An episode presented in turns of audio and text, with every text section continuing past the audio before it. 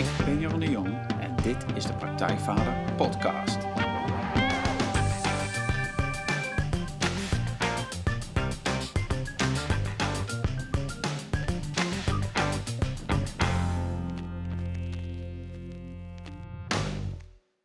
Welkom bij een nieuwe aflevering van de Praktijkvader Podcast. Jeroen hier en goed dat je luistert. Zoals elke aflevering interview ik een inspirerende gast die jou verder gaat helpen bij de volgende stap in je vaderschap. Ik vraag schrijvers, coaches, wetenschappers, kunstenaars naar hun vak, hun ervaringen, hun tips en trucs over hoe jij met meer ontspanning en plezier de vader kunt zijn die je je kinderen en jezelf gunt. En deze keer is coach, begeleider, spreker en schrijver Arold Langeveld te gast. Welkom, Arold. Um, Arold Langeveld begeleidt ondernemers, bekende Nederlanders en andere toppresteerders op het gebied van zichtbaarheid aan de ene kant en verslaving aan de andere kant. Hij groeide op met twee broers met een drugsverslaving en dat bracht hem uiteraard in contact met de hulpverlening rond verslaving. Hij werkte ook daarin uh, in verschillende verslavingsklinieken en ontwikkelde met behulp of dankzij uh, de inzichten uit de non-dualiteit zijn eigen visie op wat verslaving is en hoe je ermee om zou kunnen gaan. In zijn ontzettend heldere en fijne boek Verslaving als Kans laat Arendt zien dat we allemaal wel ergens aan verslaafd zijn. Verdovende of opwekkende middelen, succescontrole, ons telefoon, seks, eten. En onder al die vormen van verslaving of gebruik ligt bij de meeste mensen een gevoel van zelfafwijzing. Nou, Arendt maakt in het boek ontzettend duidelijk dat juist die zelfafwijzing het probleem is en niet zozeer het middel uh, dat we gebruiken. Zelf zegt hij daarover: ik heb mogen ontdekken dat de grootste gedragsveranderingen vanzelf plaatsvinden wanneer de gedachte ik ben niet goed genoeg wordt doorzien. Zelfacceptatie is de verandering. Nou, Verslaving als kans is tegelijkertijd een hoopvol en confronterend boek. Het is hoopvol omdat het boek een serieus en haalbare uitweg biedt uit grote, kleine verslavingen. En het is confronterend omdat het laat zien dat we echt bijna allemaal, wij allemaal wel een verslaving hebben die ervoor zorgt dat we vervelende gevoelens, onrust en ander ongemak niet hoeven te voelen. Nou, en dat hoeft dan niet per se over drank of drugs te gaan, maar werken en sporten kunnen net zo goed verslavingen zijn. En dat laag ligt vaak veel subtieler dan je waarschijnlijk denkt. Nou, in dit gesprek gaan we het hebben, waarschijnlijk gaan we zien, maar over Aralds visie op verslaving, hoe het was om op te groeien met twee verslaafde broers en wat voor invloed zijn ervaring met verslavingen in zijn directe omgeving op zijn vaderschap en zijn hele visie op de mensheid of nou ja, op mensen heeft gehad. Maar we staan ook stil bij hoe jij meer zicht krijgt op je eigen verslaving en je gebruik, wat je daaraan kunt doen. En natuurlijk hoe je met je kinderen over dit soort dingen praat of hoe je omgaat als je kind daar middenin zit. Nou, en ongetwijfeld komt er nog veel meer aan bod. Harold, welkom um, in de podcast. Um, ik heb ontzettend naar dit gesprek uitgekeken. Um, nou ja, vooral omdat, omdat nou, ik had je boek gelezen en uh, verslaving is een, is een thema uh, wat allemaal aanwezig is. Zeker als ik je boek lees, dan denk je, oh ja, inderdaad, we, we hebben allemaal zo onze dingen. Of dat nou groot of klein is. En tegelijkertijd is iets waar we volgens mij gevoel, we hebben het er maar weinig over. Jij zegt in je boek, um, verslaving hoort bij het mens zijn. Ik denk van nou, dat, uh, denk, oh, is dat zo? En, en, maar hoe zie jij dat dan? Wat is, waarom is dat, is dat verslaving hoort bij het mens zijn? Ja, ik geloof niet dat ik dat zozeer vind, maar ik, als je gewoon kijkt en luistert met mensen om je heen, ook in je eigen kring. en dan heb ik het natuurlijk al wat vaker over dan mensen die niet in dit, uh, met, deze, met dit thema aan de gang zijn. Ja, dan, dan kom je erachter dat iedereen zich herkent in ik doe dingen die ik niet zou willen doen. Dus er zijn krachten in mij aanwezig die, uh, die ik niet kan controleren. Ik besluit echt om te gaan sporten vanaf januari. Maar ik, het is nu uh, november en ik heb het weer niet gedaan. Uh, dus dat is dat de ene kant. Maar ook aan de andere kant, ik, ik ga echt stoppen met roken. En, en, en gaan stoppen met roken is feitelijk doorgaan. Nou ja, zo zijn er natuurlijk een heel scala aan gedragingen... waarvan wij in de illusie zijn dat we, die, dat we dat zelf doen, dat we dat onder controle hebben... Maar als we goed kijken, zien we dat dat al lang niet meer het geval is. Dus dat zou je dwangmatig kunnen noemen. Wie of wat in mij doet dat dan? Eet toch dat koekje op bij de koffie, waarvan ik vind dat ik dat niet zou moeten doen, want ik zou een tijdje geen suiker meer eten. Nou, ja. dan kan je dat doortrekken naar allerlei middelen. Ja. En als jij zegt, we hebben het er weinig over, dan komt er bij mij meteen op. Dat komt omdat de, de, de motor van iedere verslaving is schaamte en schuld. Hmm. Dus dat is de reden dat mensen er niet mee eh, te koop lopen. Ja, en, en, en wat, wat levert het ons dan op? Hè? Van, je, je hebt het al, het begint, al, het begint bij dat koekje. Hè? Of dat, dat kan iets zijn, zeg maar. Maar ik gebruik vaak eh, expres en een beetje flauw misschien, maar voorbeelden als een koekje. Want daar, kunnen, daar kennen we ons allemaal in. Ja. Hè, je hebt besloten, ik ga afvallen, ik eet even geen snoep meer. En het eerste beste café waarin je een cappuccino bestelt, komt er een koekje bij. En je ziet je linkerhand hem pakken en hem in je mond stoppen. Ja. Nou, dan wil ik het niet gelijk zeggen van je bent verslaafd aan suiker of een koek. Daar gaat het helemaal niet over. Maar het gaat over de. Nou ja, het fenomeen dat we, dingen, dat we ons lichaam dingen zien doen en laten. Waarvan, we, waarvan een ander stuk in ons, en dat zijn dan je hersens, vinden van dat zou ik niet moeten doen. En, en dat kom je ook tegen bij een kookverslaving of drankverslaving of een pornoverslaving of weet ik veel wat. Ja, en, en, en wat is het dan in ons, hè, van wat dat soort, ja, misschien niet overneemt, maar dat toch doet of zo, hè? Dat het zo sterk is, die, die drang om, om die dingen te doen. Terwijl ergens heb je in je hoofd besloten, of nou ja, heb jij besloten, maar heb je gezegd, ja, ik ga het niet doen, want het is niet verstandig, of het, ja, Ja, ja daar, daar heb ik geen antwoord op. Eh, en volgens mij heeft niemand een antwoord erop. Ook, ook de wetenschap niet.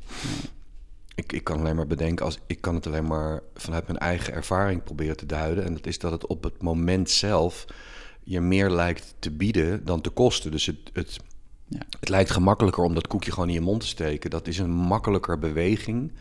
Dat vloeit meer. Je, je hebt koekje in je mond dan dat je tegen jezelf moet zeggen: Oh nee, ik had afgesproken dat koekje niet meer in mijn mond te steken. Het is ook een gewoonte. Er ligt een koekje bij de koffie. Grappig dat we nou koekjes en koffie hebben. Hè? Want Ja. je denkt: gaan we het daarover hebben? Maar dat is in essentie precies hetzelfde. Ehm, dus dat kan ook dat biertje zijn waarvan je zegt: Nee, vanavond een keer niet. En dan zit je in die voetbalkantine en dan roept iemand iedereen een biertje. En dan ja, zie je, steek je ook je hand op. En dan denk je: Nou ja, oké, morgen maar geen bier. Dus het biedt je op het moment meer dan het op wilskracht en discipline eh, trouw blijven aan je intentie. ja. Dat geldt niet voor iedereen. Er zijn ook mensen die dat kunnen. Maar de meeste mensen herkennen zich in... ja, inderdaad, zo werkt het bij mij ook. Ik wil het niet, maar ik doe het toch. Ja, met als gevolg volgens mij. Want als ik dan zie van, ook, ook als ik naar mezelf kijk, van dan daarna komt dan vervolgens weer zo'n ander stemmetje en zeggen, zie je wel, sukkel, heb je toch dat koekje weer genomen of heb je toch dat biertje weer gepakt, ja, zeg en maar. dat, en dat stemmetje is een heel eh, structureel en belangrijk onderdeel van de verslavingscyclus. Of ik zou kunnen zeggen van de gebruikscyclus. Want dat stemmetje daarna zegt dus zwakkeling, loser. Heb je toch weer gedaan. Dus dan ontstaat er ineens een soort tweestrijd in jou. Er is een stem die, die iets vindt van wat je lichaam heeft gedaan. Het is fascinerend hè, als je daarover nadenkt. Alsof je dan ineens met z'n tweeën bent. Ik heb het niet goed gedaan. En dat gevoel wat dat geeft, dus die, dat, die machteloosheid die je ervaart over je doen en laten van je lichaam, kan zich heel snel weer vertalen in nieuw gebruik. Want dan heb je weer bevestigd aan jezelf dat je jezelf een loser vindt en dat je zwak bent. Je hebt jezelf weer afgewezen. En die zelfafwijzing lossen we dan weer op met meer gebruik. Dus als je, als je dit met alcoholisten bespreekt, zeggen ze: Nou, ik heb echt de intentie om dan niet te drinken. Maar goed, dan staat het voor mijn neus. En dan dat eerste slokje, dat, dat proef ik een soort nog of zo. Maar dat hele bolwerk aan zelfafwijzing wat daar achteraan komt. Ik ben een alcoholist en nu drink ik weer. Dus ik ben een loser en ik ben zwak en dan kom ik weer in de problemen. Dat wordt eigenlijk meteen daardoor weggedronken door dan flink door te gaan. En het niet bij dat ene biertje te laten. Is dat te volgen? Ja, dat is, dat is helemaal helder. Ja, ja en, ehm, en, en ja, ik vind het heel fascinerend, omdat het, het, het werkt ook, hè, je zegt nu alcoholist, maar het werkt ook met, weet ik veel, Netflix. Lijkt, de, Zeker. dingen zijn, en, of gewoon op je telefoon zitten, Oh, of man. gewoon telefoon wat... Alles is, ehm, is, is, is natuurlijk op gericht. En het- je bent niet slachtoffer, maar alles is op gericht om je te laten blijven kijken in dit geval. Of te Mhm. blijven scrollen. Mhm. En, ehm, en is er dan een moment, ehm, ja, waren het van, een, in, in principe is een seriekijker redelijk onschuldig, maar kun je, is er een moment aan te wijzen waar, waar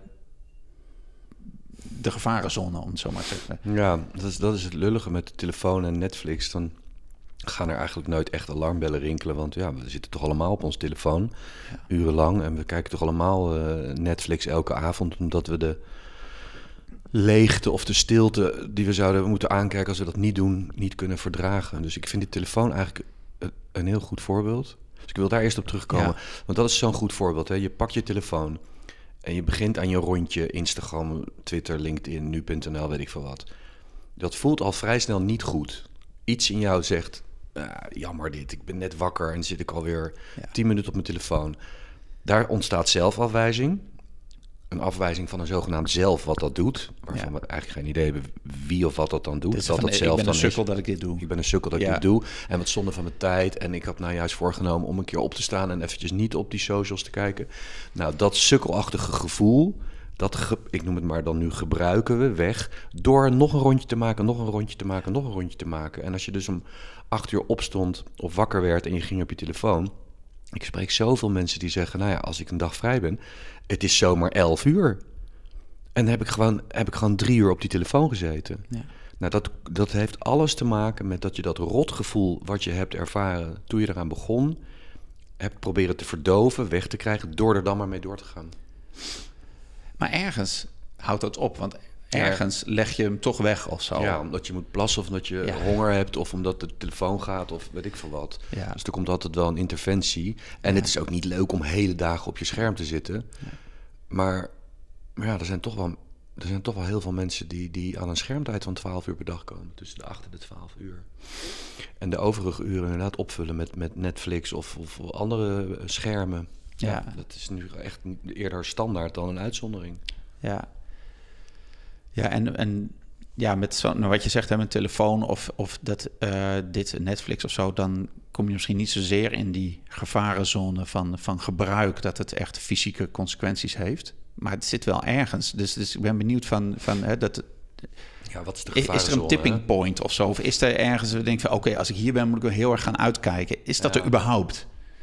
Nou, wat ik kan zeggen is, het, het, het gebruik of het middel zelf is niet het probleem. Als jij eh, denkt, ah, donderdag heb ik, eh, donderdagavond is mijn eerste echte vrije avond, lekker. Dan ga ik die, die, eindelijk die documentaire over David Beckham kijken. Die heb ik net gekeken namelijk. Ja, wat is daar mis mee? Weet je wel, je gaat er lekker voor zitten, je, je zet iets te drinken neer. Dan zit er echt een bewuste keuze in. Ik heb dat nu nodig. Ik verlang daarna. Ik probeer niks te verdoven of weg te krijgen. En ik kies daarvoor. Dat is natuurlijk een heel ander Netflix kijken of op je telefoon kijken.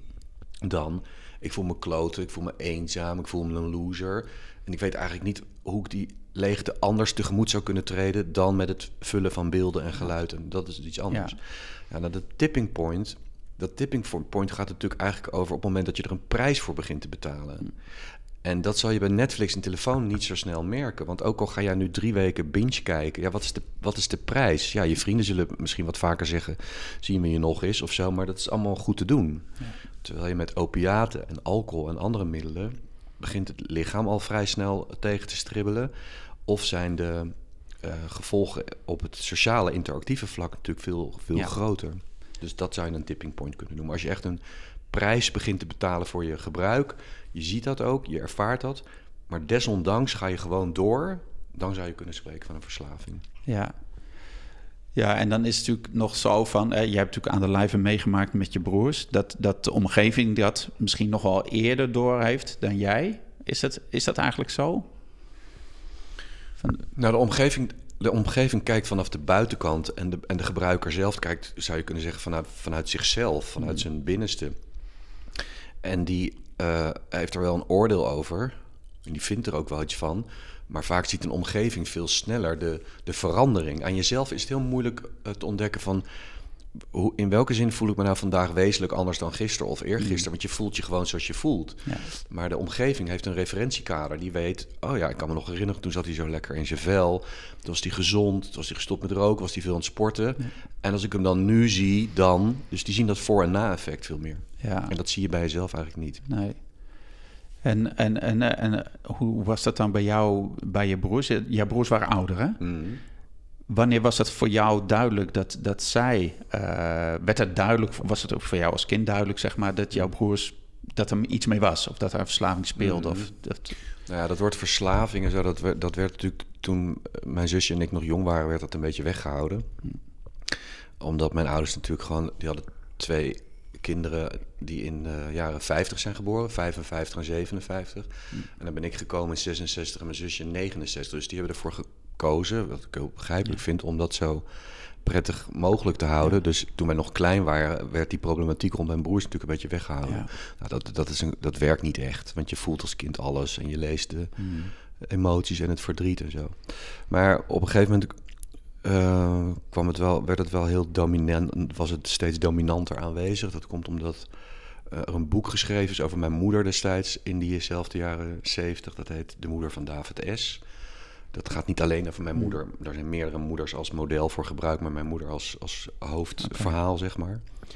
Ehm, dus toen, toen lag het meer op tafel. Toen werd er meer over gesproken. Mijn ouders hebben in die jaren ook de eh, groep ouders van drugverslaafden opgericht. Dus toen werden ze ook geïnterviewd. Toen kwam de krant langs. Toen kwam ze wel eens op tv, mijn moeder. En eh, ja, toen was er. Toen, toen, toen, toen konden ze niet meer voorkomen dat mijn zusje en ik echt Nee. wel wisten wat er aan de hand was. En Ja. Dat was heel duidelijk. En, en hoe was dat voor jou? Kun je dat nog voelen? Was dat... Kloten. Ja, ja want, want, want hoe gaat dat dan? Er zat een groot leeftijdsverschil, maar jouw broers woonden ook nog thuis of woonden die niet meer Ja, thuis? tot een bepaald moment woonden ze thuis.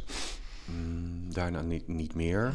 Ik weet niet precies hoe oud ik was toen zij vertrokken. Maar er was in die beginjaren nog wel gewoon contact. Kwamen ze ook nog wel thuis. Ja.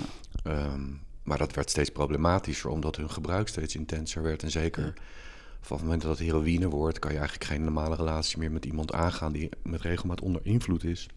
Die is er gewoon niet, die is gewoon niet thuis. Eh, dus, dus jouw vraag is, hoe was dat voor ons? Ja, Ja, hoe gebied- bepaalde dat je leven? ja, Van- dat is een van- gebied ja. in mij waar ik ook niet zo heel vaak naar, naartoe ga. Want ik merk, als, zelfs, zelfs als je die vraag nu stelt, voel ik gewoon iets in mijn keelgebied opkomen. Dat ik denk, Mm. oh ja. Nou, het, woord wat er bij me opkomt is, het was heel bedreigend. Er was gewoon continu een gevoel van gevaar, Mm. van onveiligheid, van wat nu weer. Hè? En eh, ja, je voelt aan alles, het is niet goed. En juist omdat het en dat verwijt ik mijn ouders echt totaal niet. Maar juist omdat het natuurlijk een, een beetje werd bedekt voor ons, kreeg het bij mij juist veel meer aandacht. Dat waarvan je zegt, kijk daar niet naar, daar wil je juist naar kijken. Ehm, dus het was weer ook weer niet zo open en helder en duidelijk dat mijn zusje en ik ons er echt mee konden verbinden en misschien wel mee konden verzoenen uiteindelijk. Of zo, dat kon niet, want het was allemaal een beetje in een periferie van ons leven, maar, maar ook helemaal niet. Want het was zo overduidelijk dat er, dat, dat natuurlijk misging iedere keer. Met allerlei eh, incidenten, laat ik het zo maar even noemen. Ja, het is, een, het is een te grote vraag. Hoe was dat voor mij? Het eerste wat in me opkomt was kloten, omdat ik het gevoel had dat ik nooit echt lekker kon uitrusten of kon ontspannen. Omdat er altijd wat was. En ook omdat het natuurlijk spanning gaf bij mijn ouders, dus dat is voelbaar. En wat ik me ervan herinner is dat ik van op een gegeven moment gewoon niet vaak of niet graag meer thuis kwam. Dus dan zat je op school tot een uur of drie op de lagere school. En die lag in de duinen bij ons hier in, eh, in de Vogelwijk. En ik ging dan eigenlijk standaard na school eh, de duinen in, zoveel mogelijk. En kwam dan pas thuis rond een uur of zes als ik voor het eten verwacht werd. Of ik kwam al eerder thuis, maar dan ging ik gelijk weer weg. Nou, dat doen natuurlijk veel kinderen, buiten spelen. Maar ik deed het wel omdat er jaren zijn geweest waarin er gewoon continu een soort wolk van spanning in dat huis hing en dat voelbaar was. En eh, ik weet helemaal niet of dat met feiten te onderbouwen is, want er zullen echt periodes geweest zijn waarin het allemaal wel meeviel of dat er helemaal geen contact was. Maar dat is het ingewikkelde met het omgaan met mensen met een verslaving. Je denkt, als er geen contact is, dan is het even weg of zo. Maar dat is niet zo, want dan maak je juist heel erg zorgen. Ja. En kom je in de knoop met je eigen gevoel van verantwoordelijkheid en verbinding. Dat je denkt, ja, nu, nu, nu kan ik eigenlijk niks meer met hem doen. En stel dat het fout gaat, dan ben ik misschien verwijtbaar of voel ik me schuldig. Of... Dus, de, dus welke periode je ook zit in het, in het leven met mensen met een verslaving, je kan voor je gevoel nooit echt ontspannen, nooit echt uitrusten. Nee. Nee, nou ja, in je boek schrijf je ook in een aantal episodes, eh nou, vind ik heel mooi en ook heel persoonlijk over, over je broer eh, Roland. En dan, er is een moment, eh, als, als je later in jullie leven, zeg maar, dat, dat een soort, wel een soort rust komt. Jullie gaan een keer gewoon vier weken of je gaat naar Costa Rica. Dus, dus, is, dus er is een moment dat, dat hij ja, dat hij clean is, dat hij, dat hij niet meer gebruikt. Goeie vraag. Ja, dat wij, toen, mijn, toen onze oudste broer overleed, zijn Roland en ik nadat eh, ja, dit- na, dit, na dat wonder bijna, waarin hij dus ineens was gestopt met, met methadon en bijgebruik, zijn wij inderdaad naar Costa Rica, naar Panama gegaan, vrij lang. Maar als, je, als ik jou zo hoor zeggen, van, is dat dan een periode waarin je kon ontspannen? Nee, totaal niet. Nee. Nee. Want ook, ook daar, en dat heb ik natuurlijk in het boek niet helemaal tot een detail weten te beschrijven, willen beschrijven. Misschien ook wel een beetje geromantiseerd, omdat ik dat zelf een prettiger idee vind. Maar ook daar liepen we natuurlijk tegen elkaar aan. En ook daar zag ik, zijn, zag ik die verslavingsdynamiek weer eh, b- boven komen. En de onbetrouwbaarheid die daarmee samenhangt. En eh, hij is nooit teruggevallen naar, naar heroïne of methadon. Maar om nou te zeggen dat ik in die relatie tot hem ook echt heb kunnen ontspannen, dan denk ik aan momenten. Ik ben eigenlijk altijd op mijn hoede gebleven. En, of, en, en nogmaals, dat is dus niet, misschien niet altijd terecht geweest. Maar als je al vrij jong een, een zwaar overprikkelde amygdala hebt. De wetenschappers onder de luisteraars weten meteen waar ik het over heb. maar als je, lang, Ja. als je langdurig overprikkeld wordt in je angstcentrum van je hersenen, dan schijnt het te zijn dat, dat, dat die, die nou, noem het maar een soort klep of zo, die gaat niet echt meer dicht. Die blijft constant denken, ik kan niet echt uitrusten, Ja. want er kan straks weer iets gebeuren. je bent altijd alert eigenlijk. bent altijd alert. Altijd alert. Ja. Maar dat is, dat is ja, zoals je dus zegt, dat is dus voor degene om de verslaafde heen of om de gebruikers heen, is dat ontzettend intens. ja, ik had alleen nooit gedacht dat het zo, zou blijven, zo lang zou Ja. blijven hangen. Ik bedoel, mijn beide broers zijn al lang dood, weet je Ja. wel. Ik, ik, ik heb daar me geen zorgen meer over te maken. Nee. Die zijn safe, maar ik merk bij mezelf ook nog steeds de neiging om continu situaties te lezen, energieën te lezen, mensen te willen lezen en, en mijn, mijn eigen diepe gevoel van rust en veiligheid af te laten, langen, hang- laten hangen van of die ander oké is. Ja, En dat zit nog steeds best wel diep in mijn systeem. Er Ja. hoort ook overdenken bij, eh, hoe noem je dat? Overthinking bij. Ja. Eh, daar hoort controle bij. En het is pas wanneer je mensen ontmoet die daar geen last van hebben, die dus veilig gehecht zijn en niet Mm. angstig of vermijdend, zou ik kunnen zeggen, dat je denkt, oh, dat bestaat dus ook. ja, Mensen die echt hun innerlijke rust en vrede helemaal van binnen voelen. En dingen buiten hen niet allemaal op zichzelf betrekken. En dat gewoon bij die ander kunnen laten. En ja. dan denk je van, oh, dat bestaat gewoon. Ja, dat is zo, fijn, hè? zo kun je je dus voelen als mens. Ja. Dat soort mensen zijn fijn. ja. En, ehm, en, en nou, ik ben benieuwd van, van dat is dus ehm, gewoon iedereen die nu luistert, denkt, oh ja, shit, ik heb, eh, nou ja, ik heb ook wel iets aan te kijken in gebruik. Of ehm, wat, wat is, ja, je, je, je hebt geen stappenplan of, of je hebt eigenlijk een nul-stappenplan, schrijf zelfs in je boek, zeg maar. Maar, Nul- maar de nul-stappen-methode. ja, de nulstappen. maar maar wat, wat, wat, wat, ja, toch, wat kun je doen, zeg maar? Wat is, wat is een beweging die je kunt maken als je zegt van... oké, als je bij jezelf herkent in ieder geval van... oh ja, dit is, dit, dit is nu op het randje. Je hebt ook zo mooi die, die, die piramide eh, beschreven, zeg maar. Eh, misschien moet je daar iets, iets over... eh, wil je daar Ja. iets over vertellen? Ja, Want dat is zo ontzettend helder. Oh, fijn Ja. te horen, ja. ja. De- Die piramide heb ik ooit gemaakt inderdaad vanuit een behoefte aan helderheid. Dus als mensen bij mij komen en zeggen van... nou, eh, ja, ik, ik, ik denk niet dat ik verslaafd ben hoor, maar ik wil het er wel een keer over hebben. Dat is vaak een eerste stap. En dan brengen we in kaart wat ze gebruiken. Dus dat is eerst gewoon heel feitelijk op de weegschaal staan, bij wijze van spreken. Hè? Dus oké, om hoeveel glazen wijn per dag, of per week of per maand gaat dat dan? Dan kan je dus afvragen van wanneer heb je het over een verslaving. En die piramide, ja, die kan ik nu natuurlijk verbaal gezien niet echt uitleggen. Maar die begint natuurlijk helemaal bovenaan met een klein puntje. En dat, dat is goed gevoel. Dat eerste gebruik van dat middel, dat heeft je over het algemeen een goed gevoel gegeven. En, en niet eens dat het bijvoorbeeld als je aan roken denkt, dat is niet een lekker gevoel. De eerste sigaret is niet lekker. Maar dat stoere gevoel wat ermee samenhangt, van ik hoor er nu bij en ik ben een beetje volwassen, dat is een goed gevoel. En als je dan die piramide afzakt, dan krijg je dus gewenning en gewoonte. En dan krijg je op een gegeven moment eh, gevaar en geheim. En dat zak je helemaal Ja. af tot onderaan. Kan dat te groot zijn? En wat ik heb gemerkt in mijn relatie tot cliënten, dat als mensen nog in die bovenste regionen van die piramide zitten, dan voelen ze wel van ja, ik drink een beetje te veel. Of eh, ik zit een beetje te veel op mijn telefoon. Of ik heb een beetje te veel eh, affaires, weet ik van wat. Maar als er nog geen werkelijke prijs betaald wordt, dan Ja. is dat tipping point heeft nog niet plaatsgevonden. Dus dan willen ze wel wat minderen, maar dat, dat, dat, daar haak ik dan al meestal af, want dat, gaat, dat wordt hem gewoon niet. Als er nog geen werkelijke schade is en nog geen lijden samenhangt met dat gebruik, is de urgentie om het roer om te gooien eigenlijk te klein. ja. Dus dan kan je afvragen van wanneer is dat dan wel zo? En dat, nou, dat heb je dan al aangegeven. Dat is eerst de omgeving die zich zorgen begint te maken. En dan gaat de gebruiker zelf op een gegeven moment ook hulp zoeken. En dan kan hij erachter komen van oké, dit, dit, dit, gaat, dit gaat echt de verkeerde kant op. Ja. En dan is jouw vraag, als ik hem goed begrijp. Ja, nou ja, wat, Wat kan je wat- ja, als jij zelf ergens beseft of misschien getipt wordt door je omgeving van hey, of getipt, eh, wat is dan, wat is dan, wat kun je dan doen Ja. eigenlijk? Van, wat, wat ga je dan doen? Ja, nou, dan kan je gaan voor het vechten. Hmm. Hè? Dus dan ga je, je je gebruik en je gedrag bevechten. Dat Ja. zullen velen doen. Dat Ja. is vaak de eerste poging. Dan ga je gewoon op wilskracht en discipline... Ja. ga je proberen daarmee op te houden. Maar de spanning die dat geeft, eh, geeft geen werkelijke bevrijding. Dus bestrijding biedt geen bevrijding. Dat is het zinnetje. Omdat je eigenlijk in gevecht bent met een zogenaamd zelf.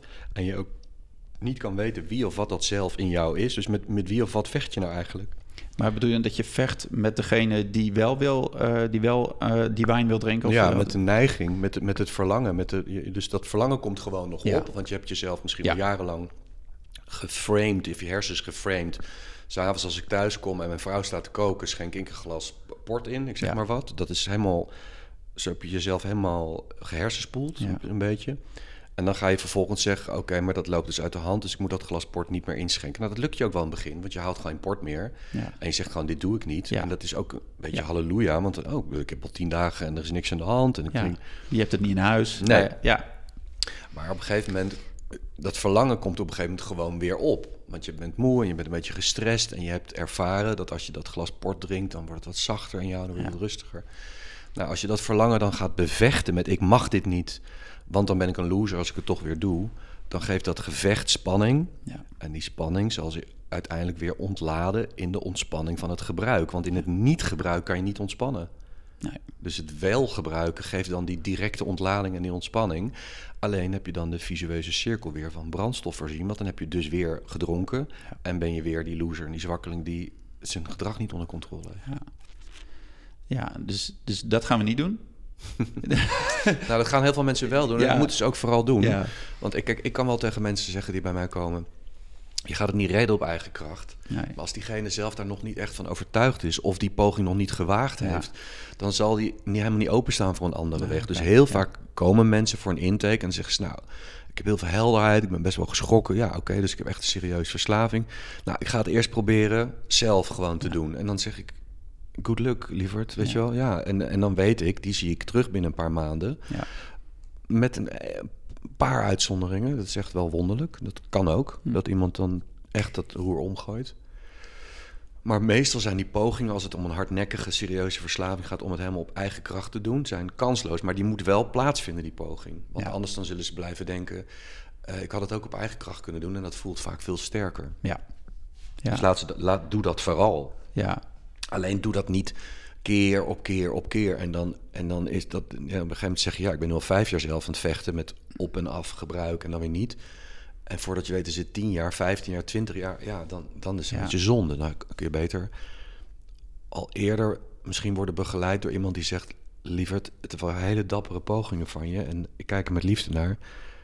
Maar het werkt niet, hè? Laten we het nu eens gewoon met hulp doen en serieus aanpakken. Ja, ja en dan is, is dat.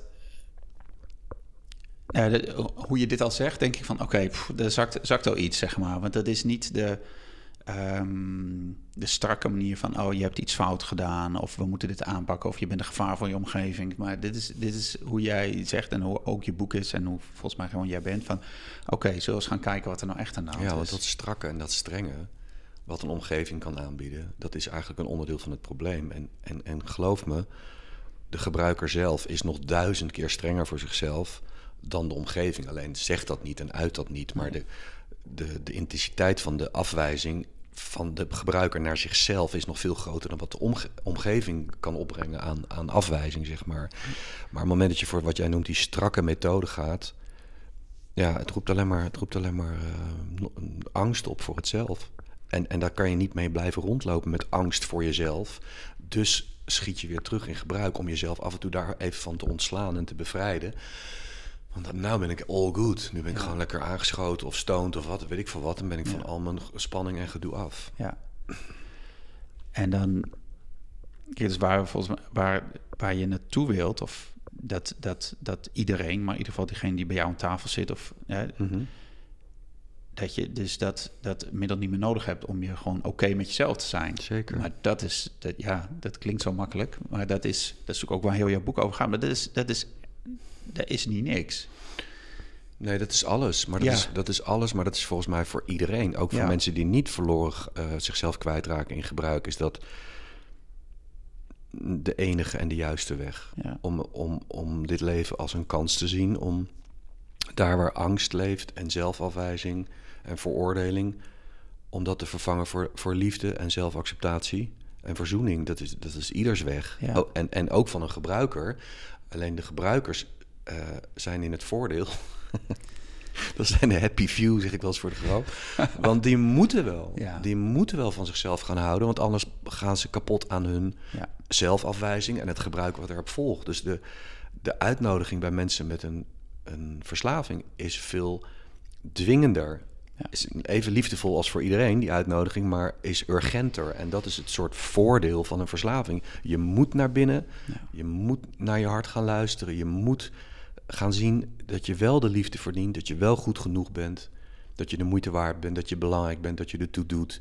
Dat het verleden je nooit klem kan houden, dat de toekomst nog helemaal, dat de wereld nog aan je voeten ligt. Dat moet je allemaal wel gaan ontdekken, want anders ga je kapot aan je gebruik. Ja.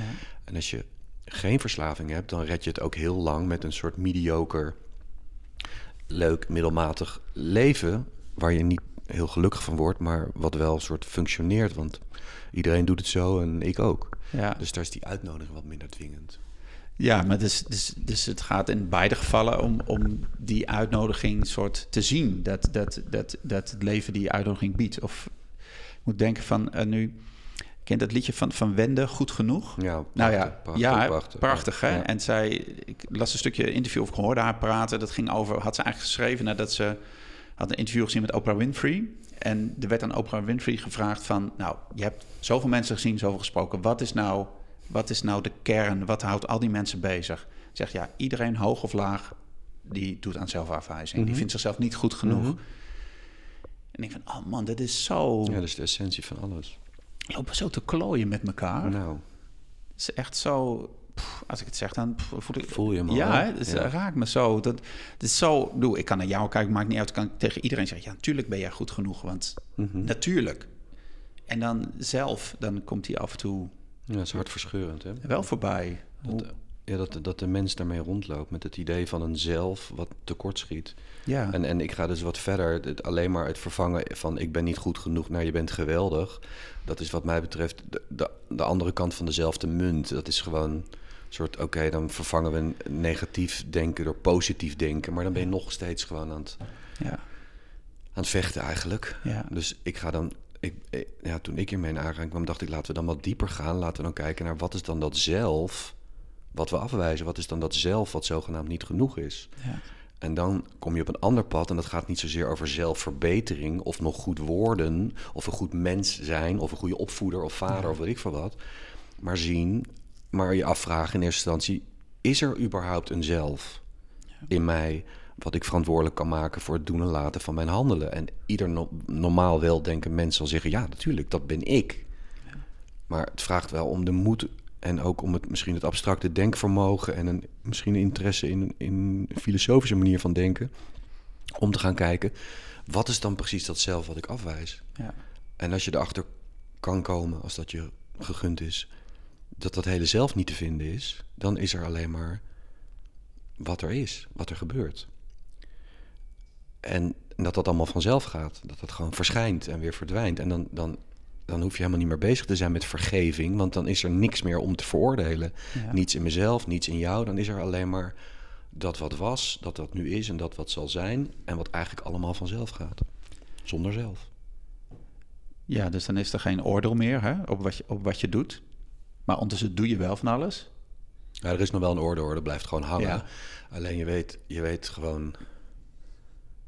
Ja, hoe moet ik dat nou uitleggen? Het is een soort. Als dat, als dat echt tot je doordringt, dan is dat een soort stop met het zoeken naar iets anders dan wat er is. En als dat wat is.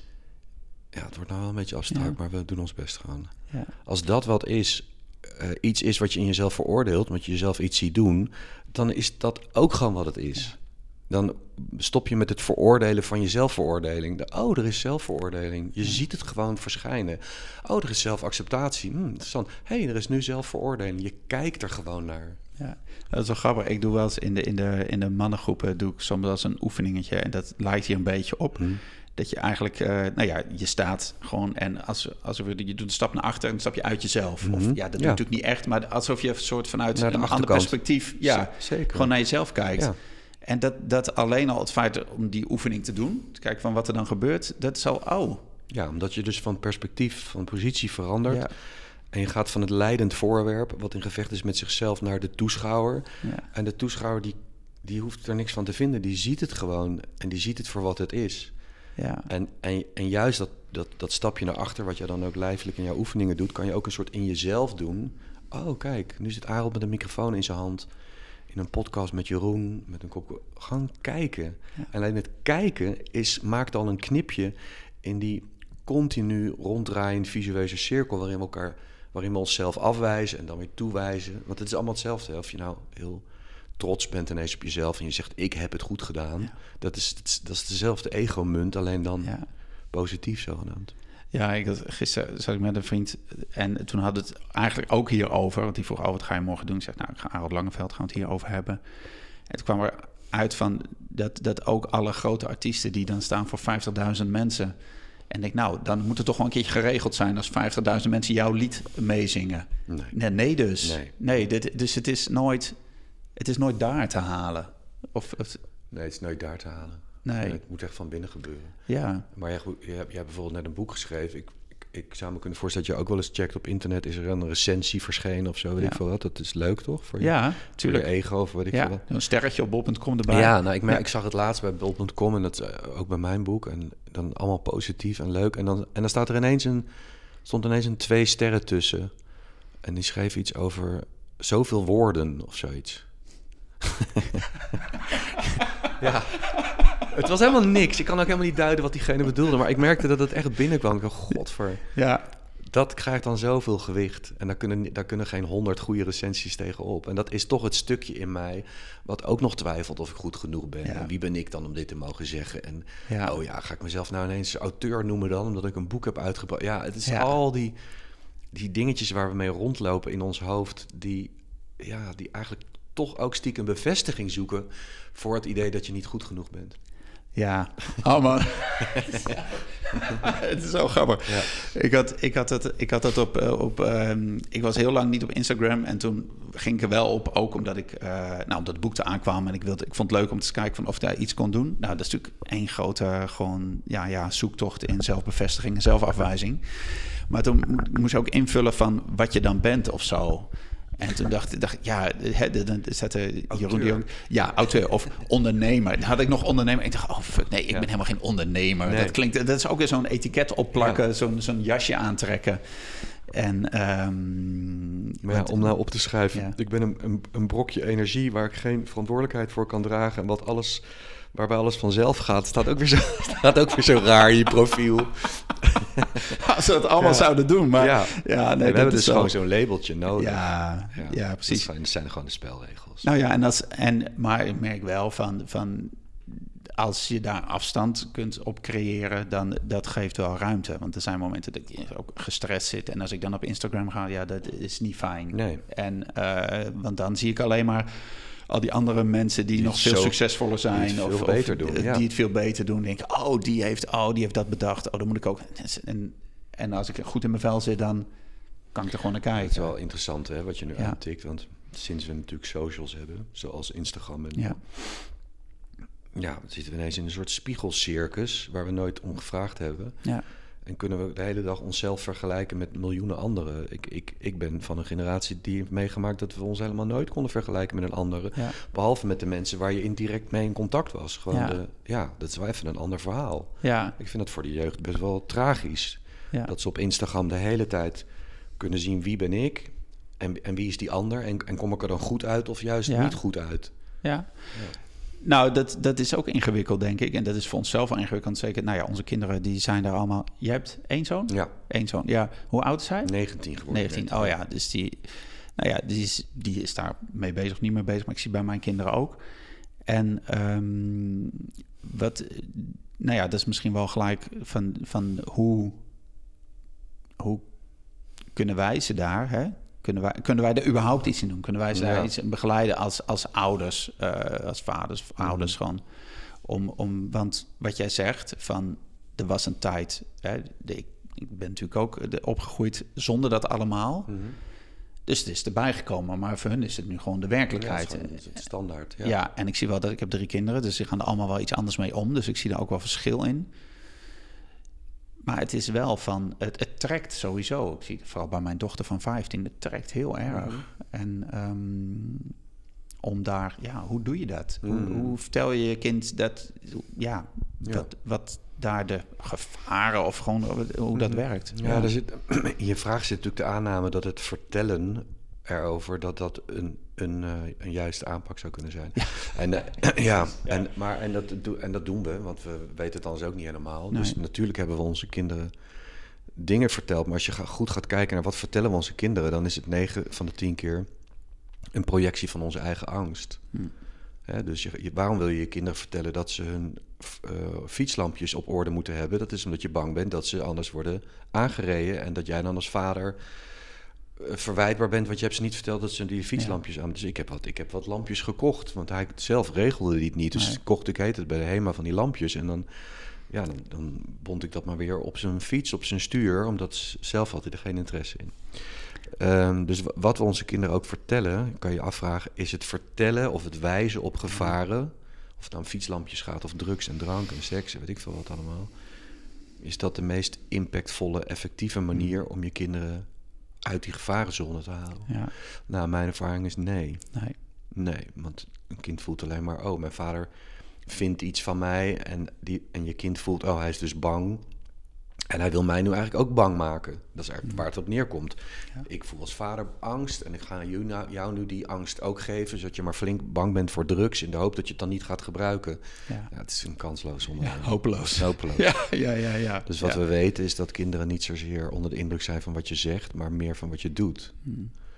Eh, ik heb daar totaal in gefaald in de opvoeding van mijn zoon. Ik heb hem veel te veel verteld. Veel te veel gewezen op gevaren. Ja. Ik zat er bovenop en nog af en toe. En hij, hij gaat alleen maar harder van me weg. Op het moment dat ik hem ga vertellen, zou je niet, zou je niet dat. Lijkt het je niet verstandig om? En let nou een beetje op dit, let een beetje... Nou, hij haakt gewoon me af. Ja. Het is geen fijne energie van mijn kant. Nee. Maar goed, dat heb ik niet kunnen voorkomen. En, en nog vaak niet dat ik dan toch het even nog moet zeggen van... zou je dat nou niet zus en Ja. zo doen? Ja, hij voelt alleen maar afwijzing eigenlijk van mijn kant. Oh, dus je hebt geen vertrouwen in hoe ik het zou doen. Eh, jij gaat me nu vertellen hoe ik het moet doen. Ja. En dan snapt hij ook wel... Dat Ja, je wilt hem ook behoeden voor, voor eh, teleurstelling of voor pijn. Of voor, ja, je wil ja. behoeden, maar als je diep, als je beter kijkt, Jeroen, dan wil je vooral jezelf behoeden. Ja, Het lijkt alsof we die ander willen behoeden. Ja, dat is zo. Ik wil dat Nathan gezond leeft en niet rookt en bla bla bla. ja, Maar eigenlijk indirect is het een manier om mezelf te behoeden. Omdat ik dus denk dat ik geen goede vader zou zijn als ik hem niet zou wijzen op de gevaren van sigaretten, bla bla bla. Nou, om dit voorbeeld maar te nemen. Alsof hij dat niet weet. ja. Elk pakje wat je koopt, je ziet al die gezwellen en. en dat weten ze natuurlijk al lang. Ja. Dus het heeft niet zoveel zin om je daarop te richten. Nee. Ik merk dat het inspirerender... Ja, dat zijn de momenten die ik dan nu moet opzoeken in mijn geheugen. Maar ik, ik merkte dat het inspirerender was als ik zelf gezond leefde.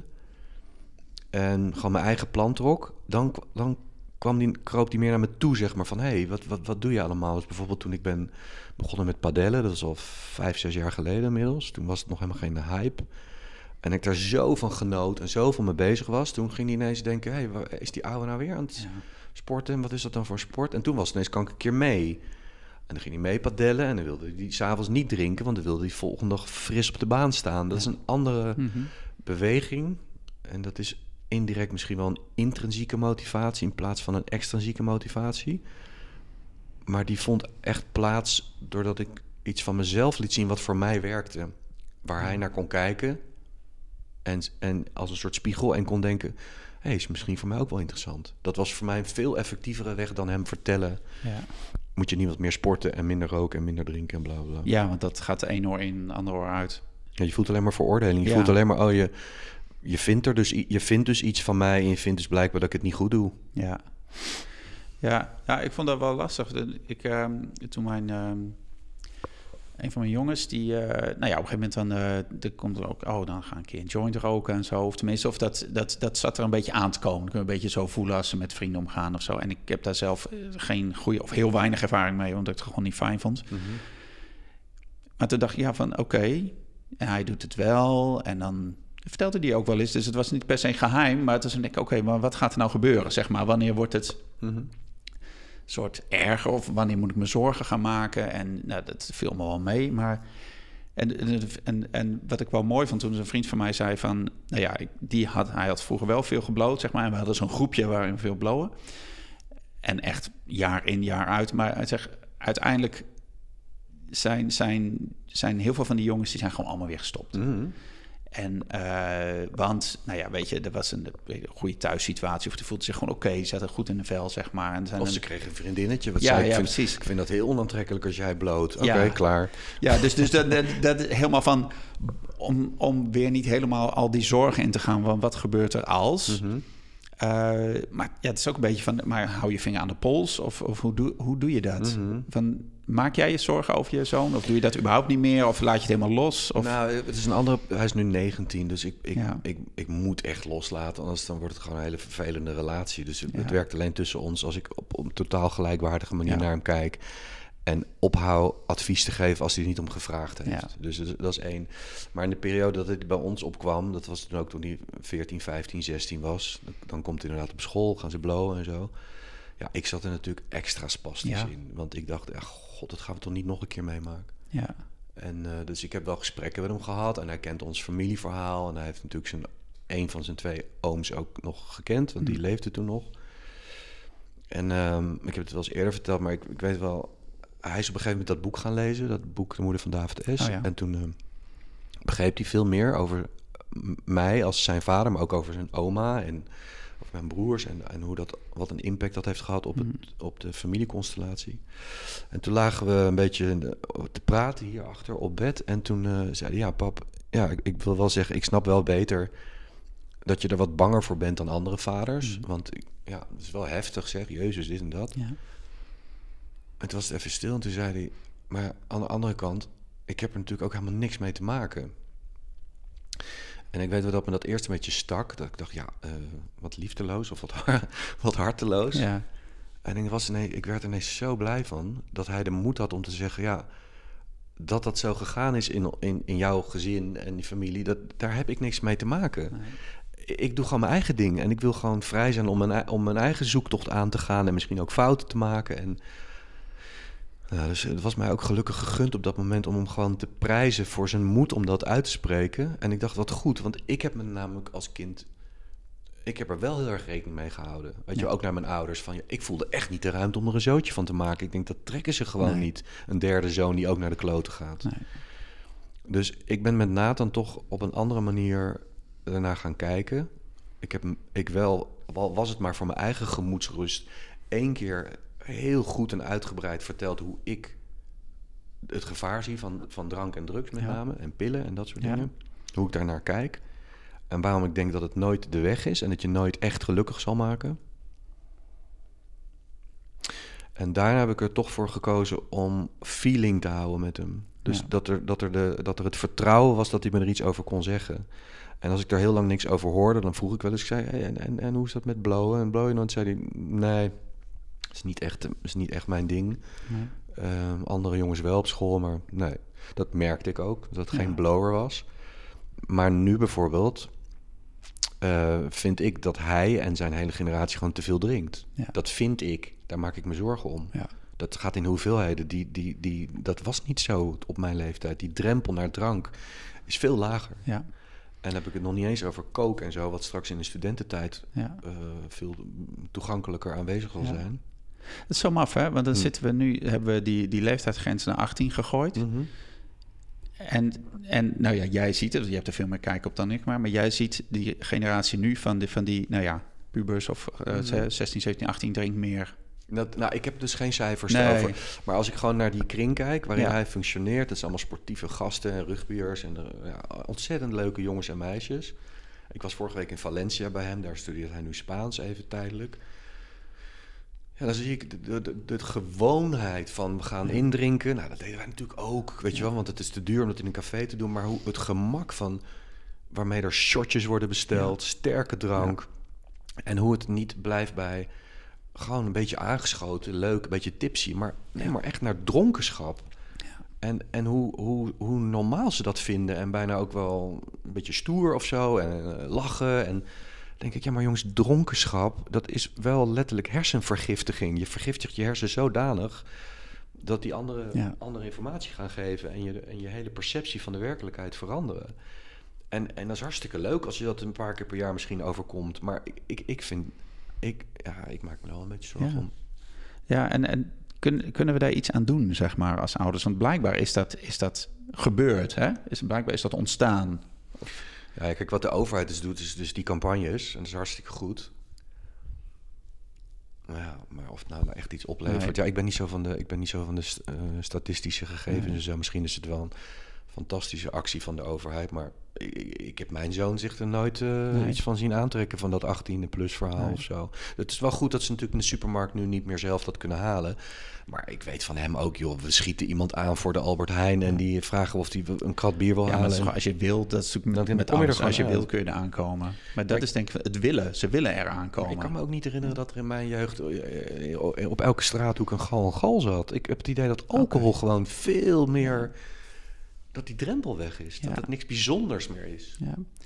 Nou, dat is grappig. Dat, daar las ik pas een stukje over. Dat, ehm, de, gewoon dat, dat in de jaren zeventig was een fles wijn was iets bijzonders. Ja, dat, dat als je iets had te vieren Ja. had of iets om een bijzonder moment... dan kwam er alcohol op tafel. Ja. Ja, dat herinner ik me ook ja zo hè? vroeger. dat is bizar. En, de, en, ja, nu, is het elke dag wijntje, wijntje. Waar, waar gaan we borrelen? Ja, Ja, is echt. eh, dus blijkbaar zijn we daar veel makkelijker of grenzelozer in geworden op de een of andere manier. Ja, omdat het dus weer iets te bieden heeft. Ja. Ik, ik ken natuurlijk ook de ervaring van in je kop zitten, eh, een beetje spanning in je lichaam en dan pff, dat eerste glas, weet je wel, die, Ja. die, die verdecho, die... eh, Ja. Zo, hè, hè? Dat. Ja, ja. eh, dat. En dan nog een en nog. Ik- we kennen het allemaal. En als je daar, als je, als dat echt een antwoord is in jouw systeem op waar je tegenaan loopt, Ja. spanning of piekeren of zorgen maken, Ja. Ja. dan is het niet zo gek dat je dat niet alleen op vrijdagavond doet, maar van maandag tot en met zondag. Ja. ja, dus dat is misschien ook wel mooi om, om het dan weer niet bij onze kinderen neer te leggen, maar weer naar onszelf te Steeds, kijken. steeds naar jezelf. steeds van oké, want er zijn ook genoeg eh, artikelen verschijnen over we, de burn-out maatschappij. We zitten gewoon allemaal hartstikke onder stress. De, de lat ligt heel hoog. Dat is een veel interessanter gebied. Ja, Want het, het gebruik is een excess daarvan, is een oplossing, is een Ja. antwoord op iets wat eronder zit. En Ja. als we ons alleen maar steeds op dat gebruiken richten en dat wat eronder zit ongemoeid laten, dan gaat er natuurlijk niks veranderen. Maar als we inderdaad gaan kijken, waarom is het dat we zo overprikkeld zijn? Waarom zijn er zoveel aandachtstoornissen op dit moment? En is dat dan echt genetisch of is het ook gewoon een reactie op de, de, de, de wereld waarin we nu leven? Waarin zoveel informatie is die de hele Ja. dag op ons afkomt. Waarin we zo beschikbaar moeten zijn 24-7. bere- eh, ook letterlijk bereikbaar zijn met die mobiele telefoon. En nou ja, zo kan ik nog wel honderd dingen Ja. noemen. Waarvan je kan afvragen, moeten we daar niet naar Ja. gaan kijken? ja, ja, Want denk dan, ik. ja, want dan, ja, want dan, ja. dan verliezen bepaalde middelen hun functie. Ja, Waarom zou je als je heel lekker, wat ik noem, eh, in je buik zit, gewoon in je buik hangt, zo lekker. En je denkt niet te veel en je eet, en je eet Ja. gezond en je slaapt goed en je sport en je hebt seks en alles is gewoon. Je kan ontspannen. Waarom zou er dan iets bij moeten? Dan, Ja. dan, dan hoeft dat niet. Dan heb je daar helemaal Nee. geen werkelijke interesse meer in. nee. Ja, dat is, eh, dat is mooi. Ja, dat is, nou ja, dat is volgens mij... eh, Maar misschien ook een ut- utopie om te denken dat dat op korte termijn veranderen gaat hoor. Ja, maar ik denk dan met al dit soort dingen is volgens mij wat, nou ja, dat zeg je ook. Maar wat kan ik nu doen? Wat kan ik in dit moment doen? En, die moeten we ook niet vergeten, dat lijden aan je eigen gedrag, ook aan je verslaving, brengt je het uiteindelijk natuurlijk thuis. Dat is de, de kracht en misschien wel de schoonheid van lijden. Want juist doordat we lijden, ontstaat er interesse in hoe kan ik dat lijden stoppen? Hoe Ja. kan ik mijn leven anders gaan inrichten? Dus de- Ja. er zit ook wel een soort natuurlijke. Eh, eh, ja, een soort natuurlijke wet is het dat lijden roept verlangen naar niet lijden op. Ja. Eh, Dus, dus, dus misschien. weet Nou, dat is, nou ik eh, de- toen ik dus 28 was, hè, dat vertelde net in het voorgesprek even, toen begon ik met die zoektocht naar, ja, wat is dat dan een goede vader en hoe... Maar toen kwam ik in de mannengroep en ik was 28, maar al die mannen waren, nou ja, 45 plus zo'n beetje, zeg maar. En die zaten daar omdat ze scheiding, eh, burn-out, eh, ontslag, iets hadden meegemaakt, verlies van hun ouders. Wat, wat, wat, een, wat een soort motor was, voor, of een aanleiding om, oké, en nu ga ik voor mezelf kiezen, nu ga ik naar binnen kijken. Daarom heet mijn boek Verslaving als kans. Ja, Het is een kans. ja, En dat is een kans die, die, die, die ligt gewoon voor je neus als je een verslaving hebt. ja. En in ieder die zijn verslaving uiteindelijk heeft doorbroken, wie dat gegund is, zegt achteraf: Ik had het eigenlijk niet willen missen, want het heeft me op een diep niveau in contact gebracht met wie ik werkelijk ben. Ja. Ik, ik ben daardoor in, in therapeutische omgevingen terechtgekomen die ik anders gemist had. Ik heb mensen ontmoet die ik niet had willen missen. Ik bezoek nu elke week een anonieme groep waar ik me kan uiten. Er zijn zoveel voordelen uiteindelijk. Ehm, ja, ik noem het echt be- bewust voordelen ja.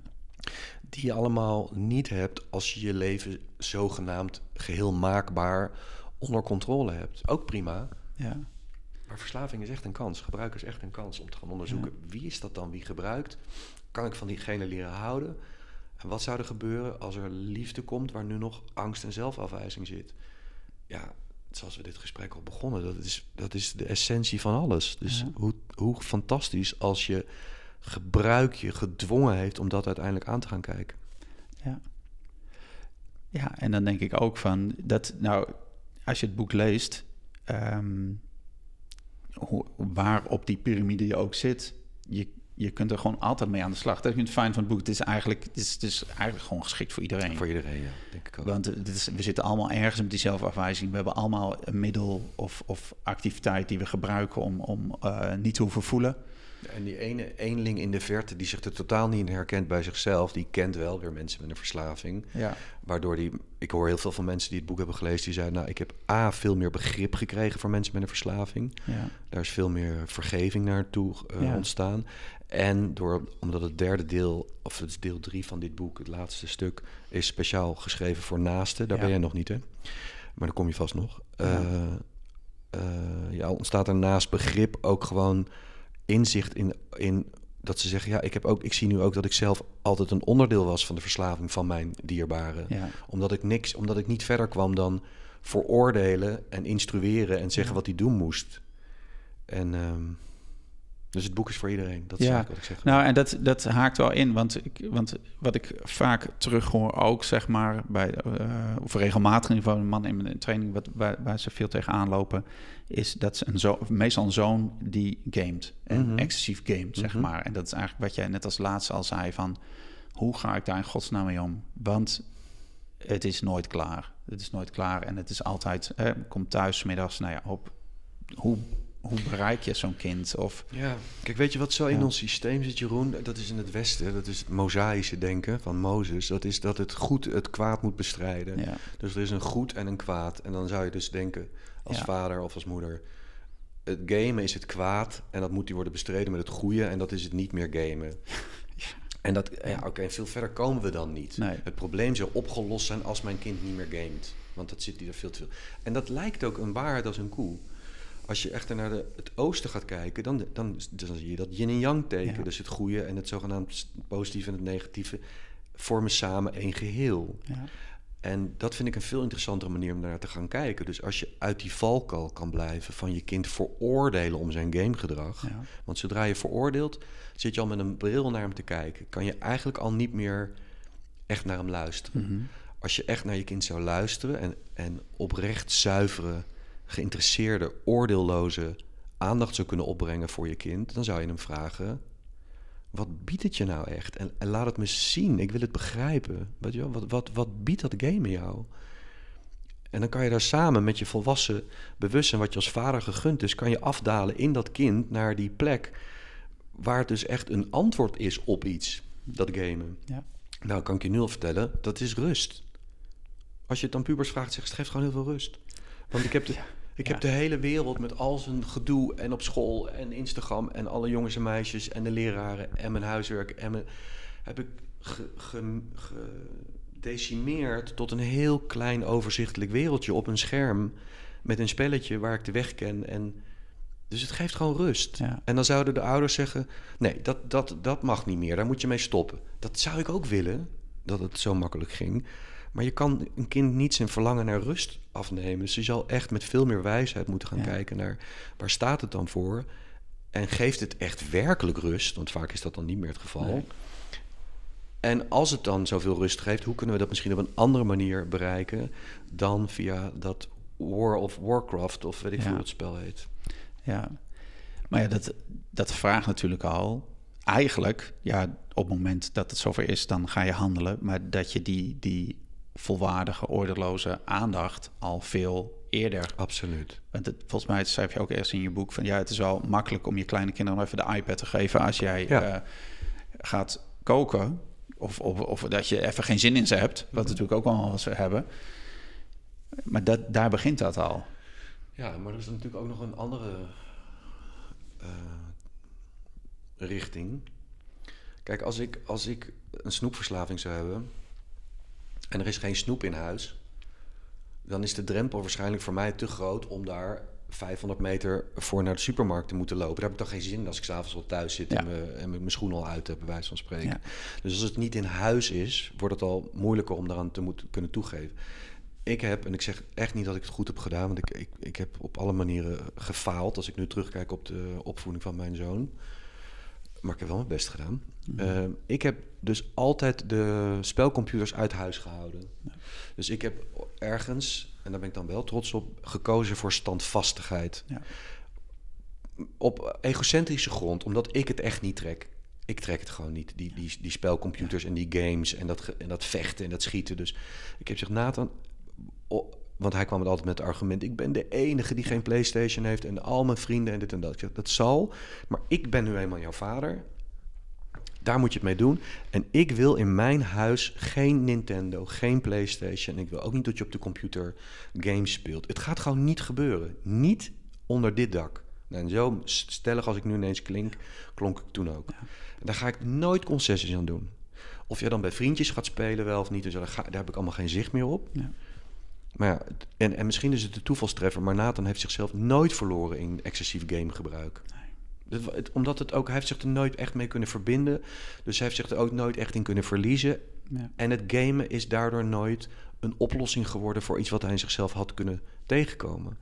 Dus naast oprechte aandacht, oordeelloos erover praten, mag je wat mij betreft als opvoeder ook gewoon standvastig zijn en geheel tegen wat misschien andere ouders doen, zeggen in dit huis geen drank, geen gamen, niet roken, weet ik veel wat. Het komt er gewoon niet in. Ja. ja, en dan dat vraagt iets van jou als vader, moeder, zeg maar, met dat je inderdaad die grens stelt, zeg maar. Maar het vraagt ook iets als jou, eh, eh, Ja. aan jou als koppel. Ja. Want het kan zijn dat, dat je partner daar wat losser in is en denkt, ah joh, laat hem even een uurtje gamen. En- ja, Maar ik had ook geen, ik had gewoon zo geen zin in die discussies die ik bij vrienden zag over schermtijd. Nee, je hebt al een uur en nou oké, een half uurtje erbij. Ik dacht, nou, het gaat hier gewoon niet gebeuren. nee. Ik haat het. Ja, dat is mooi, want dat, dat herken ik heel erg. Want het was, er was ook een, nou, dat was diezelfde Noek. Die, middelste, die wilde dat ook, op, toen hij 13 was of zo, de games. En dan echt eh, ook de 18-plus games dan Mhm. allemaal. En ja, dat was bij ons gewoon niet. kwam er gewoon niet in. Ja, dan bij een vriendje. Ja, nou ja, oké, dan bij een vriendje. Daar heb je ja, geen zicht op. Ja. Daar heb ik geen zicht op. Maar het is wat ik, ja, het is, maar en ik had daar zelf ook niks mee. Maar er zijn er genoeg mannen die daar zelf fantastisch vinden of hartstikke leuk vinden. Mhm. En dan, ja, nou ja, dan is dus, dan ziet je kind dat ook. Nee, dat is interessant, want daar, daar, heb ik, daar lees ik wel de onderzoeken over. Er is een tijdje geweest, en dat is ook misschien in de jaren zeventig dat het wel opkwam, kwa- opkwam, dat opvoeders begonnen te denken van... wat als ik die eerste joint nou samen met mijn zoon rook? Hè, dus je zou nu kunnen zeggen, wat nou als ik samen met hem ga gamen? Dat lijkt dus een soort liefdevol... Ja, Eh, wat ik van die onderzoeken lees is nee, je trekt dus een in potentie verslavend middel naar de veilige zone van het gezinsleven en naar de veilige zone van jou en je zoon.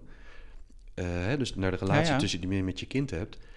En dat is nou juist waar die niet moet gaan zitten in die veiligheid. nou, dat is echt heel boeiend. Ja. Dat, nou, dat vind ik heel interessant, omdat dat juist, inderdaad, die gedachte, die snap ik. En dat is hoe mijn eigen vader ook was. Nou, als je 15 bent, mag je een biertje. Ja. Dus dan op mijn 15e verjaardag, Ja. nou gingen wij samen een biertje beloning drinken. voor je volwassenheid. Ja. ja, dan staat het ergens voor iets, voor iets Ja, heel positiefs en warms en veiligs. En mijn vader gunde me dat eerste biertje. En ja, ja. En dat, Ja, en eigenlijk zeg jij over uit die onderzoek gewoon niet doen.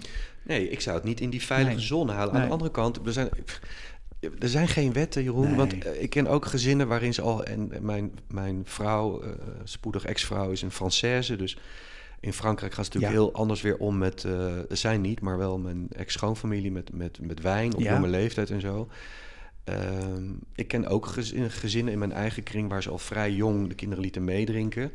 Nou, dat is niet zo dat dat nou allemaal alcoholisten zijn Nee. geworden. Dus het kan ook zo zijn dat, het, dat er juist nul lading op lag daardoor. Hè, dus het, het- Ja. je kan, er is echt niet een one-size-fits-all aanpak... waarin je kan voorkomen dat je kind zich te buiten gaat aan drank. Nee. Nee, nee, dus dat is dan... Nee.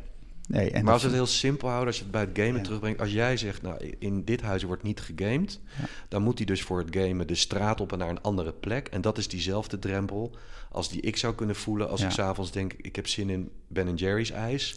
Maar ik heb geen zin om er nu weer voor de regen in te moeten naar de Albert Heijn. Dat is hetzelfde Ja, verhaal. ja, ja. Je doet steeds wat het meest comfort biedt. Ja, ja dat, is, dat is heel interessant. Ik heb toen, dat is wel grappig. Ik, ehm, nou ja, het ik vind het verleidelijk om, eh, om Facebook te gaan, dat soort dingen. Maar ik moest natuurlijk, ja, ik heb ook dat boek geschreven vorig jaar. En ik dacht, ja, maar dit, dat was zo. Ik dacht, oké, hoe ga ik dit nu doen, zeg maar? Want ik zit wel op mijn laptopje te schrijven, zeg maar. En eh, ja, dus wifi is er gewoon wel of niet, zeg maar. En eh, toen heb ik zo'n, echt zo'n heel, ja, nou, ik heb het gewoon gedaan, zo'n soort, soort app gedownload die alles blokt. Maar dat was eigenlijk heel lekker. Ja, is lekker. Dat is echt lekker. Dat was, eh, dat was een goede app. En ik heb hem eigenlijk nog steeds. En dat, dat geeft echt een soort... Ja, het is jezelf wel een beetje voor de gek aan. Maar het werkt. Het geeft, geeft toch rust. Ja, dat- maar dat, dat noem je eigenlijk een interventie. Ja, En ik, ik heb dat ook in mijn boek beschreven. Ik heb dan de Hofman Process gedaan een paar jaar geleden in Engeland. En daar lever je op dag één alles af waar je mee, eh, lever je alles in waarmee je kan afleiden. Dus boeken, maar ook je, je, je Spotify, je, Ja. je computer, je bent alles kwijt. En in, in het begin voel je dan even die... Dat is wel heel spannend ineens. Maar na een dag of twee of drie komt je hele systeem tot de rust. En, ma- en om het maar weer even over Nathan te hebben... Ik heb het graag over die gozer. ja, ja. Die zat dus in Spanje en die was zijn telefoon eh, was gejat. En die zei volgens mij hetzelfde na een dag of drie. We hebben uiteindelijk een nieuwe telefoon opgestuurd. Ja. Maar het is wel rustig. Het is wel lekker. En dat zijn gewoon interventies waar je zelf vaak niet de kracht voor hebt om hem in te zetten. Ja. Maar als hij, als hij je overkomt, dan, dan, dan leer je dus weer even die andere smaak kennen van... oeh, wat is het fijn om niet steeds te moeten vechten met mijn neigingen. Want ik kan er gewoon nu niet aan toegeven. Want ik heb op dit moment geen Ja. telefoon. Of zoals jij dat met die appjes had opgelost. Ja, ja dus, dus wat ik doe, ik doe het twee keer per jaar doe een weekend met mannen, het Essentie Weekend. En dat is ook gewoon telefoon in de tas of inleveren, zeg maar. En er zijn mannen die vinden het gelijk fantastisch. En er zijn ook mannen die, die zitten Ja, echt even, even oh, zo, ja. fuck, oh, die iedere keer dan voelen en het ongemak daarvan voelen. Maar uiteindelijk dan altijd na twee of drie dagen wat jij zegt van, oh, dit is echt zo fijn. Dit is zo Ja. fijn. Ja, Ik, merk, ik merk het echt ook fysiek. Ik merk het ook aan mijn... Het is net alsof allemaal stofjes die de hele tijd zo rondgaan in je hoofd... alsof dat zo neerdwarrelt. En op het moment dat dat zo zakt... Dat is, er dwarrelt natuurlijk helemaal niks in mijn hoofd... maar zo voelt het dan... eh, ben ik ook meteen beschikbaarder voor het hier en nu zoals het zich ontvouwt. Want ik heb geen nooduitgangen meer in mijn leven waar ik doorheen kan kunnen glippen, want die zijn gewoon afgesloten. En, dat, Ja. en als je met mensen met een, een drugs- of een alcohol- of een seksverslaving spreekt, die bijvoorbeeld in een kliniek zijn opgenomen, zeggen allemaal na een paar weken: het was een gevecht. Ik heb in het begin gevoeld hoe, hoe ik eigenlijk zou willen gebruiken, maar nu ik echt weet dat kan hier niet, ja, is heel fijn. ja. Je ontneemt ze die vluchtroute. Ja, dus dat waar ze het bangst voor waren toen ze nog gewoon gebruikten, ontnemen alles behalve mijn vluchtroute, is dan eigenlijk een soort blessing op het moment dat dat toch heeft plaatsgevonden. Ja. Maar dat, kan je, dat moment waarin je ervoor kiest om die interventie te plegen, dat stellen de meeste mensen met een verslaving natuurlijk oneindig lang uit. Want ze denken echt dat hun leven afhangt van dat middel. Zonder die drank red ik het niet. Ja. Echt, dat, denk, dat, dat voel je echt zo. Ja. Ja, het is altijd de omgekeerde wereld, maar dan moet je eerst ervaren om daarachter te komen. Ja. Ja, intens. Ja. Ja.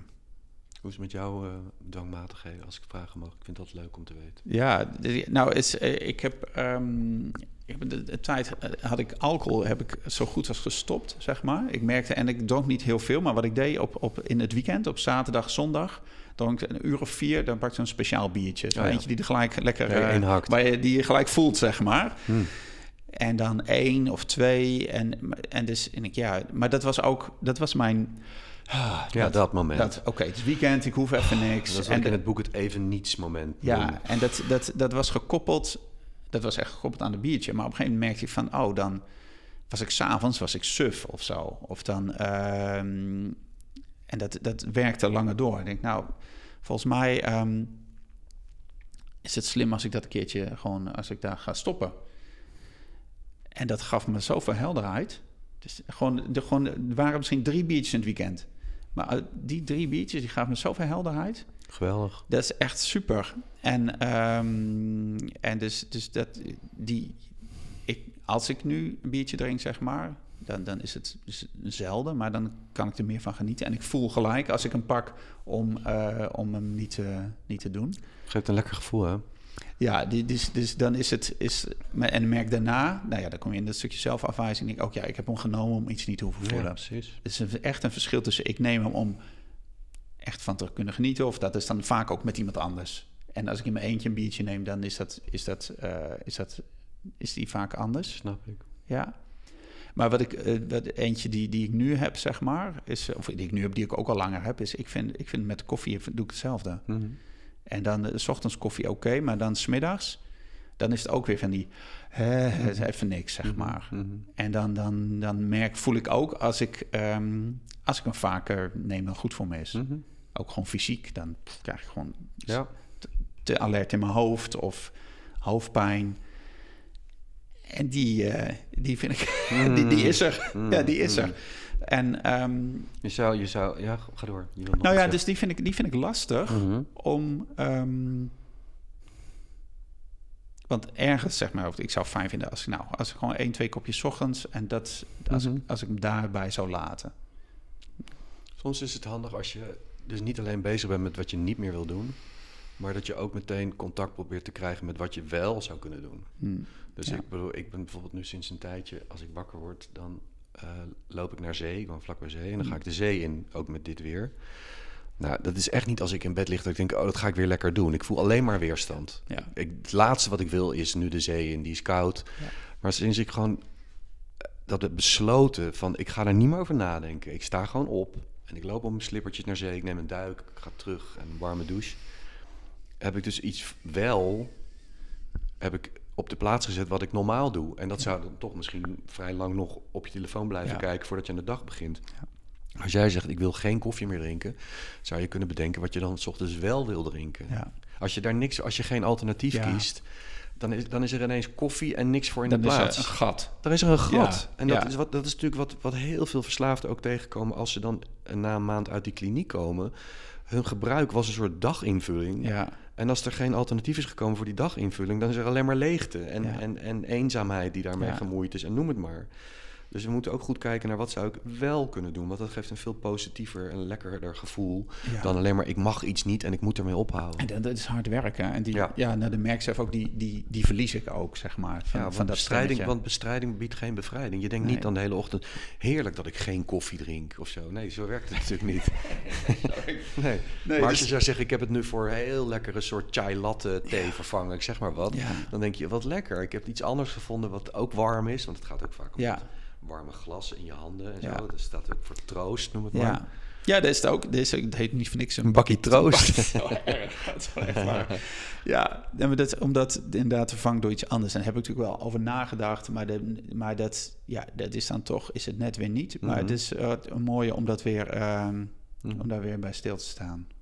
Mm. Ja. Mm. Mooi. Ah, want we gaan zo, uh, we gaan zo afronden. Um, ik heb geen idee. Um, nou, we zitten toch al vijf kwartier te praten. Nou, dat, we, zitten, we zitten lekker in. Volgens ja. mij zouden we nog een uur door kunnen praten. ja, dat, dat denk ik ook. Ja. ja, is er nog iets afrondends wat je wil zeggen? Oké, okay, dat zou ik nog graag willen zeggen. Of um, dan. Ja, ik wil, ik wil altijd, als ik de kans krijg het woord te noemen, wil ik het altijd doen. En dat is toch weer het woord liefde. Want op de bodem van dit hele proces gaat het weer alleen maar om liefde. En of we het nou over jouw uh, expertise hebben, het opvoeden van kinderen, of het omgaan met je eigen dwangmatigheden. Je, je, als je dit pad, als je bereid bent dit pad te kiezen en echt verslaving als een kans te zien, kom je uiteindelijk bij liefde. En, en dat is misschien wel de, de, de grootste motivatie om iets aan je verslaving te gaan doen.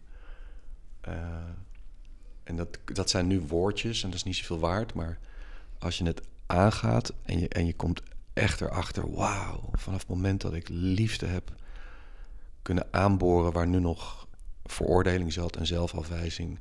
begonnen hun middelen hun functie te verliezen... dan is dat onderdeel van je avontuur zoveel winstgevender en interessanter... en helender dan het moeten stoppen met je middel. En... eh, dus ik kan het niet vaak genoeg zeggen. Het gaat echt over liefde. Ja, nou, dat is een prachtige afsluiting voor dit gesprek, Arend.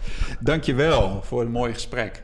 Fijn. Omdat het heel vloeiend ging allemaal. Dank je. Jij Ja, ja leuk. Eh, fijn. Eh, als, als mensen meer over jou of je werk willen, willen lezen, kijken, waar kunnen ze dan terecht? Er is een website die gaat over het boek verslavingalskans.nl. En daar worden ook de nieuwtjes op geplaatst. En als ik ergens spreek in het land of whatever. Ik ben bijvoorbeeld aanstaande zondag 12 november ben ik bij de Dag voor de Naasten. Dat is in Hees in Brabant. Daar komen allemaal mensen naartoe die meer willen weten. Hoe ga ik om met de verslaving van een dierbare? Daar ben ik dan. Nou, dat soort dingen staan allemaal op de website. En eh, dan kan je ook zien hoe je mij eh, rechtstreeks zou kunnen benaderen. Ja. Dus dat is de plek. Verslavingalskans.nl. Mooi. Nou, helemaal goed. Dat, die zet ik ook op de website. Dan kunnen mensen het vinden. Dus eh dankjewel, Arend. Jij bedankt voor je oprechte en liefdevolle manier waarop je dit doet. Ja. Dank je wel. Dankjewel, man. Oké, als je zit te luisteren, dankjewel dat je er was. En ehm, nou ja, zoals ik net al zei, je vindt eh, dit interview, maar ook eh, linkjes, eh, link naar het werk van Aral terug op praktijkvader.nl slash podcast. Vind je dit interview terug en ook alle, en alle andere interviews uit de podcast. Ehm, maar je vindt ze ook bij elke podcast-app, Spotify, Apple Podcast, waar je ook eh, maar je podcast luistert. Je kunt je abonneren, krijg je iedere keer een, een, melding als je ze aan hebt staan tenminste. Als er een nieuwe aflevering eh, is. En misschien moet je die ook gewoon uitzetten en af en toe gewoon zelf kijken. Ehm, op praktijk, praktijkvader.nl vind je ook de, alle info over het werk wat ik doe. Ehm, de trainingen die ik geef, het boek Vadervuur. En er komt vast wel weer een keer een nieuwe podcast aan. Dus eh, blijf kijken, blijf luisteren. En ik zie of hoor je graag bij de volgende aflevering. Heb het goed. Doeg. Nog even twee korte berichten voordat je gaat. Als eerste de Vurige Vrijdagmail. Hoe zou je het vinden als je elke week een korte mail van mij zou ontvangen? Een korte mail met daarin vijf tips voor boeken, films, artikelen, video's, muziek, activiteiten, recepten en nog veel meer andere dingen die je nog meer helpen om de vader te zijn die je je kinderen gunt. Mooi om je weekend mee in te gaan. Boeiende tips, leuke tips, inspirerende tips. Allemaal dingen die ik tegenkom op mijn eigen reis in het vaderschap en persoonlijke ontwikkeling. Nou, ga naar www.praktijkvader.nl slash vurige-vrijdag en meld je daar aan. Dus dat is www.praktijkvader.nl slash vurige-vrijdag en dan ontvang je meteen de laatste editie in je mailbox. Als tweede, als je je echt wil verdiepen in je vaderschap, dan kun je nu mijn boek Vadervuur lezen. Ton van der Kroon, schrijver van De Terugkeer van de Koning, zegt dat het boek een aanrader is voor alle vaders. En Jurgen Peters, schrijver van Kinderen zijn geen puppies, vindt het een hartverwarmende inspiratie voor zijn eigen vaderschap. Zelf vind ik het fijn dat er nu eindelijk een boek is dat mannen en het vaderschap echt serieus neemt. Ruimte maken voor je kind, de plek van je eigen ouders, de relatie met je partner. Alle belangrijke thema's komen voorbij, inclusief veel situaties uit mijn eigen vaderschap en de vadertrainingen.